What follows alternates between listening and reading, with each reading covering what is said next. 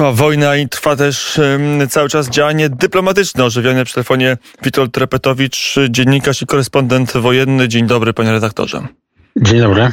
To może na początek zamiast ta dyplomacja, bo dużo dzieje się w Turcji, e, w kraju, który pan dobrze obserwuje i z bliska, ale zanim ta dyplomacja dookoła mm, tego, co robi reżim albo, albo władza Erdoana w Turcji w, w ramach rozwiązywania czy nierozwiązywania tego konfliktu na drodze dyplomatycznej, to trochę wrażeń militarnych. Pan redaktor był w Syrii, widział na miejscu i był też w wielu miejscach na Bliskim Wschodzie, jak wygląda e, zdobywanie miast poprzez ich niszczenie. E, wydaje się, że podobny scenariusz Rosjanie mogą przyjąć na Ukrainie.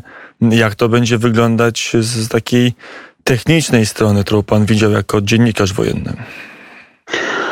Ja, ja, akurat uważam, że e, tutaj e, rysowanie tych analogii między mm, Ukrainą a Syrią e, mm, no jest takie kuszące, ale trochę zwodnicze, ponieważ w Syrii jednak ta sytuacja była znacznie bardziej skomplikowana. Tam, mm, tam nie było takiego czarno-białego obrazu i stron było więcej niż dwie. Także sytuacja, sytuacja w Syrii jednak jest znacznie, znacznie bardziej skomplikowana. E, tam nie, był, nie, nie ma takiej sytuacji, że że e, naród e, zjednoczony wokół bliskich nam wartości demokracji i, i, i wolności, tak takiej, jak my to rozumiemy, e, broni się przed, e, przed e, mm, agresorem, obcym agresorem, który próbuje narzucić po pierwsze obcą mm, narodowo tożsamość, władzę, a po drugie jest obcy również w, w, w tym wymiarze podstawowych wartości, takich jak demokracja. Tutaj na Ukrainie Ukrainie to mamy. Mamy zdecydowanie e, czarno-biały obraz, e, mm, gdzie mamy z jednej strony e, walkę dobra ze złem i tak to trzeba ująć. Dzisiaj widziałem na stronie telewizji Al Jazeera dość skandaliczny artykuł, w którym autor próbował właśnie mm, burzyć ten obraz, ten obraz tego konfliktu, tej wojny między Ukrainą a Rosją, e, rysując e, jakby takie niuanse, wprowadzając jakieś niuanse do, do, do, do tego konfliktu. Tutaj nie ma żadnych niuansów i wszystko jest jasne. Natomiast właśnie w Syrii jest cała piramida niuansów dotyczących różnych stron i, i, i, i, i, i różnych zbrodni, a też i też racji e, występujących po różnych stronach. Tam nie ma dwóch stron, tak? E, natomiast oczywiście, e, oczywiście zniszczenia w, w Syrii były duże, ale też, tak jak mówię, tam te zniszczenia wynikały z działań różnych stron, nie tylko Rosji, chociaż Rosja oczywiście miała ba no, bardzo duży... Asada, który używał broni masowego rażenia, broni broni chemicznej, no i nalotów dywanowych. Tutaj symbolem jest Aleppo. Zresztą, żeby do Syrii przejść, mówi się bardzo głośno o tym, że Rosja werbuje najemników z Syrii, właśnie zaprawionych w tych niezwykle krwawych bojach e, w miastach, chociażby w Aleppo właśnie. E, ja, ja nadal e, twierdzę, że porównanie z mm, e, Aleppo jest dość chybione. Z różnych powodów to, to jest, mm, to jest mm, kwestia na dłuższą, dłuższe wyjaśnienie. Znaczy, wy, wy, ale choćby dlatego, że tam była walka z jednej strony z reżimu, totalitarnego reżimu zbrodniczego, e, wspieranego przez, e, przez brutalną e, siłę rosyjską, ale z drugiej strony byli dżihadyści, a tutaj mamy zupełnie jasną sytuację, gdzie mamy z jednej strony agresora, a z drugiej strony mamy naród broniący, broniący się we własnym kraju i broniący tych samych wartości, które są nam bliskie, nam Polakom. Także, także ja, ja jednak bym, bym unikał takich prostych paralel. No, to już paralele to już proste bardziej... albo złożone odłóżmy na bok, a interesuje mnie, nie, nie ile pan redaktor ma wiedzę, kto może z Syrii przyjechać? Czy w ogóle Rosjanie tam mogą rekrutować, czy rekrutują, a jeśli tak, to kogo? Mm, jest, y, są takie informacje. E, Rosjanie mm, e, potrzebują e, najemników, ponieważ mm, no, cały czas Putin się boi o, o to, że jak ci żołnierze, ci słowiańscy żołnierze zrozumieją, co robią, to to przestaną to robić, bo, bo przerażą się po prostu be, będą mieli e, mocny dysonans e, poznawczy w głowie, więc dlatego e, starał się ściągać Kazachów, dlatego rzucał Burjatów, Czeczenów z, z, od Kadyrowa i, i teraz próbuje ściągać tych Syryjczyków. Natomiast to, czy się mu to uda, czy nie, no to jest kwestia otwarta, ale nawet jeżeli mu się to uda, to skończy się to tak jak z tymi Czeczenami od Kadyrowa. Dużo było o tym gadać a potem wszyscy zostali, zostali e, no, e, zlikwidowani przez e, ukraińską obronę z, z generałem Tuszajewem na czele, więc tutaj będzie podobnie. Ta, ta siła tych syryjskich posiłków no, jest taka przereklamowana.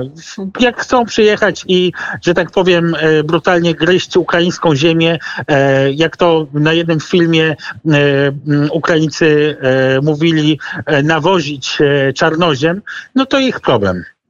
A grupa, czy już e, Liga Wagnera, bo to zdaje się rozrasta się ta formacja najemnicza, ona też dała się poznać w Syrii to z najgorszej możliwej strony, niezwykle brutalnej, wręcz ludobójczej, terrorystycznej działalności.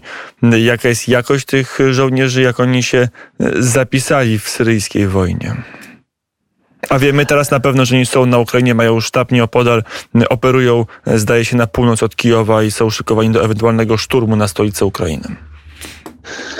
No, y, powiem szczerze, że y, też y, uważam, że w takiej wojnie jest to, nie będzie to żaden game changer.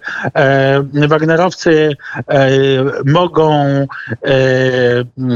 mogą brylować na takich arenach wojennych jak, jak Mali czy Republika Środkowoafrykańska, gdzie gdzie e, po prostu praktycznie e, armia jest, e, jest, jest w pełnej rozsypce i, i, i są różne plemienne ugrupowania zbrojne, więc tam, tam ta formacja może być skuteczna. Natomiast nawet już w Libii czy, czy w wspomnianej Syrii ta skuteczność była taka, taka sobie. No, w, w momencie, gdy mm, e, Wagnerowcy próbowali zająć e, pola naftowe w Deir ez-Zor, które były kontrolowane przez SDF, to Amerykanie ich zbombardowali i tyle, mm, i, i tyle było z, z, całej tej operacji, więc, więc też tutaj myślę, że, że to jest prze, przereklamowane i, e, i tam e, Wagnerowcy specjalnie niczego nie zdziałają w, na Ukrainie. Przy telefonie Witold Repetowicz, dziennikarz, korespondent wojenny. Mm, e, Panie redaktorze, to przejdźmy do tej dyplomacji. Tutaj Turcja się wysuwa na jakiegoś czołowego mediatora.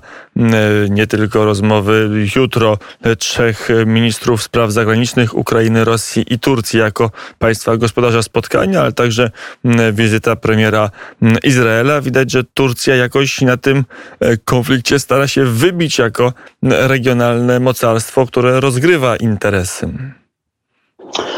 E, kwestia e, wizyty izraelskiej w, w, e, Turcji nie jest związana z konfliktem ukraińskim i to było, i to było mm, znacznie wcześniej uzgadniane i tak naprawdę jest to raczej efekt mm, katastrofy wcześniejszej polityki konfrontacyjnej Recepa Tayyipa Erdogana mm, i tutaj Turcja w tej kwestii będzie i tak musiała jeszcze e, mm, dużo e, podjąć, dokonać, dokonać poważnych wyborów, e, ponieważ e, nie może z jednej strony wspierać Hamasu e, i, e, i mm, e, nakręcać antyizraelskich nastrojów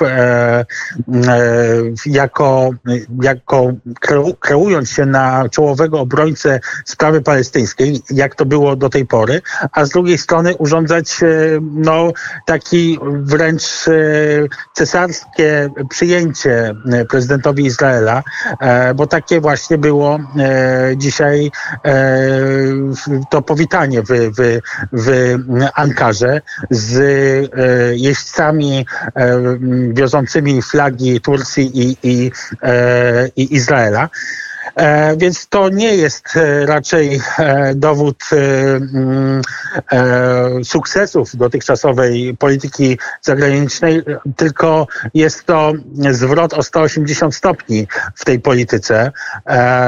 I w tym zakresie rzeczywiście można mówić o pewnym sukcesie Turcji, ponieważ Turcja mm, od dłuższego czasu zabiegała o to, żeby, mm, żeby odwrócić tą, ten zakończyć ten konflikt, jaki sama wywołała e, z Izraelem, z Zjednoczonymi Emiratami Arabskimi, z Arabią Saudyjską, e, z Egiptem.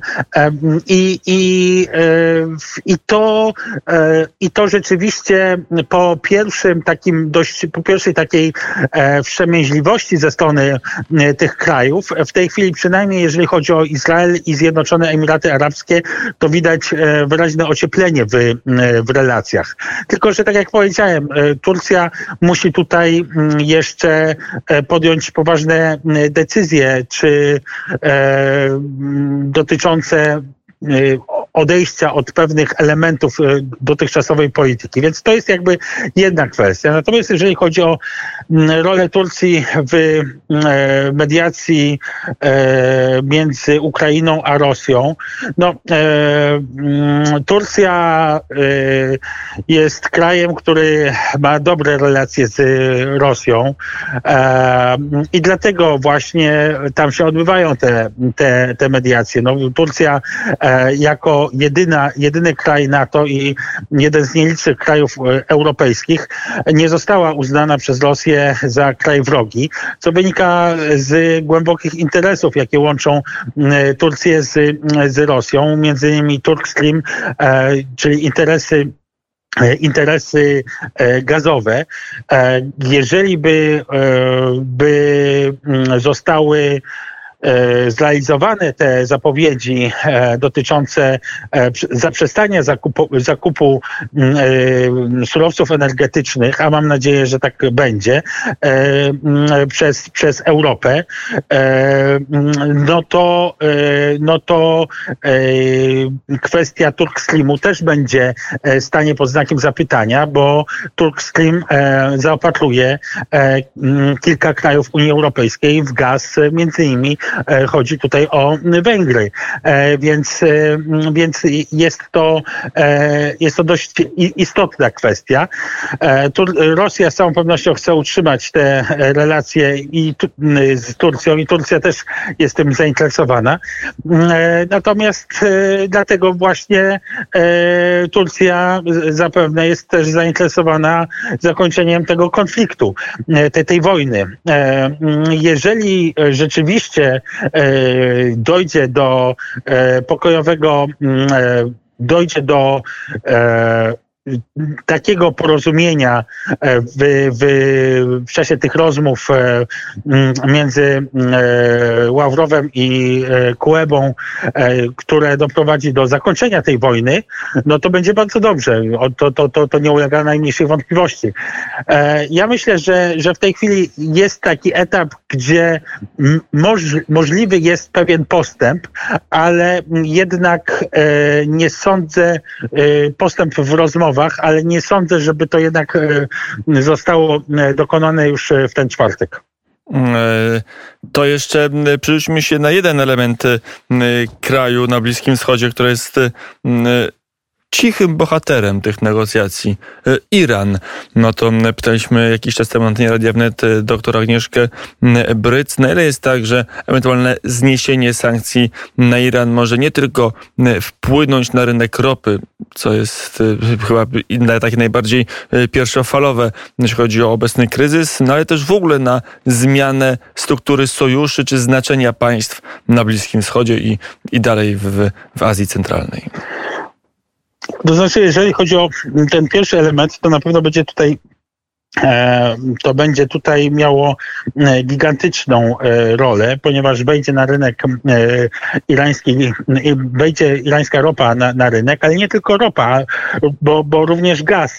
Trzeba pamiętać o tym, że praktycznie Iran jako eksporter gazu jest e, całkowicie zmarginalizowany, a posiada, e, posiada drugie co do wielkości e, rezerwy gazowe na świecie, więc no jest tutaj ogromny potencjał w, w, w eksporcie, w dostawach gazu z Iranu do, do Europy. Natomiast i i w tej chwili e, no, dwa państwa są szczególnie zainteresowane tym, żeby, żeby do tego e, nie doszło, znaczy, żeby nie został w tej chwili reaktowowany e, JCPOA, czyli ta, ta umowa nuklearna z Iranem, e, a mianowicie mam na myśli Izrael i Rosję. I w, w tym kontekście należy rozumieć niedawną wizytę Naftali Beneta w, w Moskwie, która jak, jak widać nie, nie przyniosła żadnych rezultatów w odniesieniu do e, wojny na Ukrainie. Natomiast, e, natomiast mm, no, e, można przypuszczać, że przyniosła pewne rezultaty w odniesieniu do, do Iranu, bo na, następnego dnia po wizycie Beneta w Moskwie Izrael bombardował znowu pozycje irańskie w Syrii, a ponadto przedłuża się kwestia podpisania JCPOA, e, reaktywacji e, JCPOA e, mm, i, i, i tutaj Rosja poszła do, do tego, poszła do tego, że, że otwarcie zagroziła blokowaniem reaktywacji JCPOA. E, mm, natomiast co do, e, co do zmiany sojuszy, ja bym, ja bym e, tego tak nie ujmował. Mm, kwestia wygląda w ten sposób, że sojusz irańsko-rosyjski to jest E, to jest e, teatr pozorów i, e, i takiego sojuszu praktycznie nie ma. Są interesy obydwu państw, interesy zwłaszcza wynikające dla Iranu z jego izolacji oraz z wrogości Iranu wobec, wobec Stanów Zjednoczonych. I tutaj jest wspólnota interesów Iranu i, i Rosji, ale na tym to się wszystko kończy. Rosja robi interesy z Arabią Saudyjską, Rosja Rosja robi, y, Rosja ma bardzo bliskie relacje z e, Izraelem ze względu na diasporę e, rosyjską w Izraelu i, i Iran to doskonale wie, tylko udaje, że tego nie widzi, e, ponieważ, ponieważ korzystne jest dla obu stron utrzymywanie tych pozorów. Także, także tutaj nie ma mowy o tym, że dojdzie do jakiejś zmiany sojuszy, bo nie będzie zbliżenia połączenia e, Iranu ze Stanami Zjednoczonymi, to jest wykluczone. Z drugiej strony Iran zawsze był otwarty na relacje z Europą Iran ma bliskie, jest blisko, można mówić o sojuszu Iranu z Chinami, to tak. I tutaj te, te relacje irańsko-chińskie będą się pogłębiać po zniesieniu sankcji i po, po reaktywacji JCPOA, ale to też nie jest zwrot o 180 stopni. Natomiast kwestia, jeżeli chodzi o Rosję, to Iran zawsze dawał sygnały, że chętnie przejmie rynki i, i, i będzie dostarczał surowce energetyczne tam, gdzie się Rosja wycofa. Mm, e, powiedział Witold Repetowicz. No to cóż tam jeszcze zostało do, do omówienia, panie redaktorze? Iran, e, Izrael, Syria, Turcja e, za nami. To jeszcze może dwa słowa o tym, jak Stany się w tej sytuacji odnajdują. To nie jest chyba państwo, które pan bezpośrednio obserwuje, no ale Stany są obecnie na Bliskim Wschodzie i, i na Ukrainie. Jak się sprawdza administracja prezydenta Bidena? E, no, generalnie e, pomijając tutaj e, dość dość no, nieszczęsną sytuację e, z, z, w kwestii samolotów, gdzie Amerykanie no, nie postąpili, e, delikatnie mówiąc, właściwie, no to tak ogólnie to administracja Bidena się sprawdza. Nałożenie e, mm, e, tak e, mm, embargo na dostawy wszelkich środków, tych surowców energetycznych do Stanów Zjednoczonych. Także te, te, te po, po, polityka USA w odniesieniu do, do tej wojny, do tej sytuacji jest generalnie pozytywna, pomijając dość poważny zgrzyt związany z samolotami. E, powiedział Witold Trepetowicz, dziennikarz i korespondent wojenny. Dziękuję bardzo za rozmowę. Dziękuję bardzo. I do usłyszenia na zagrach 17.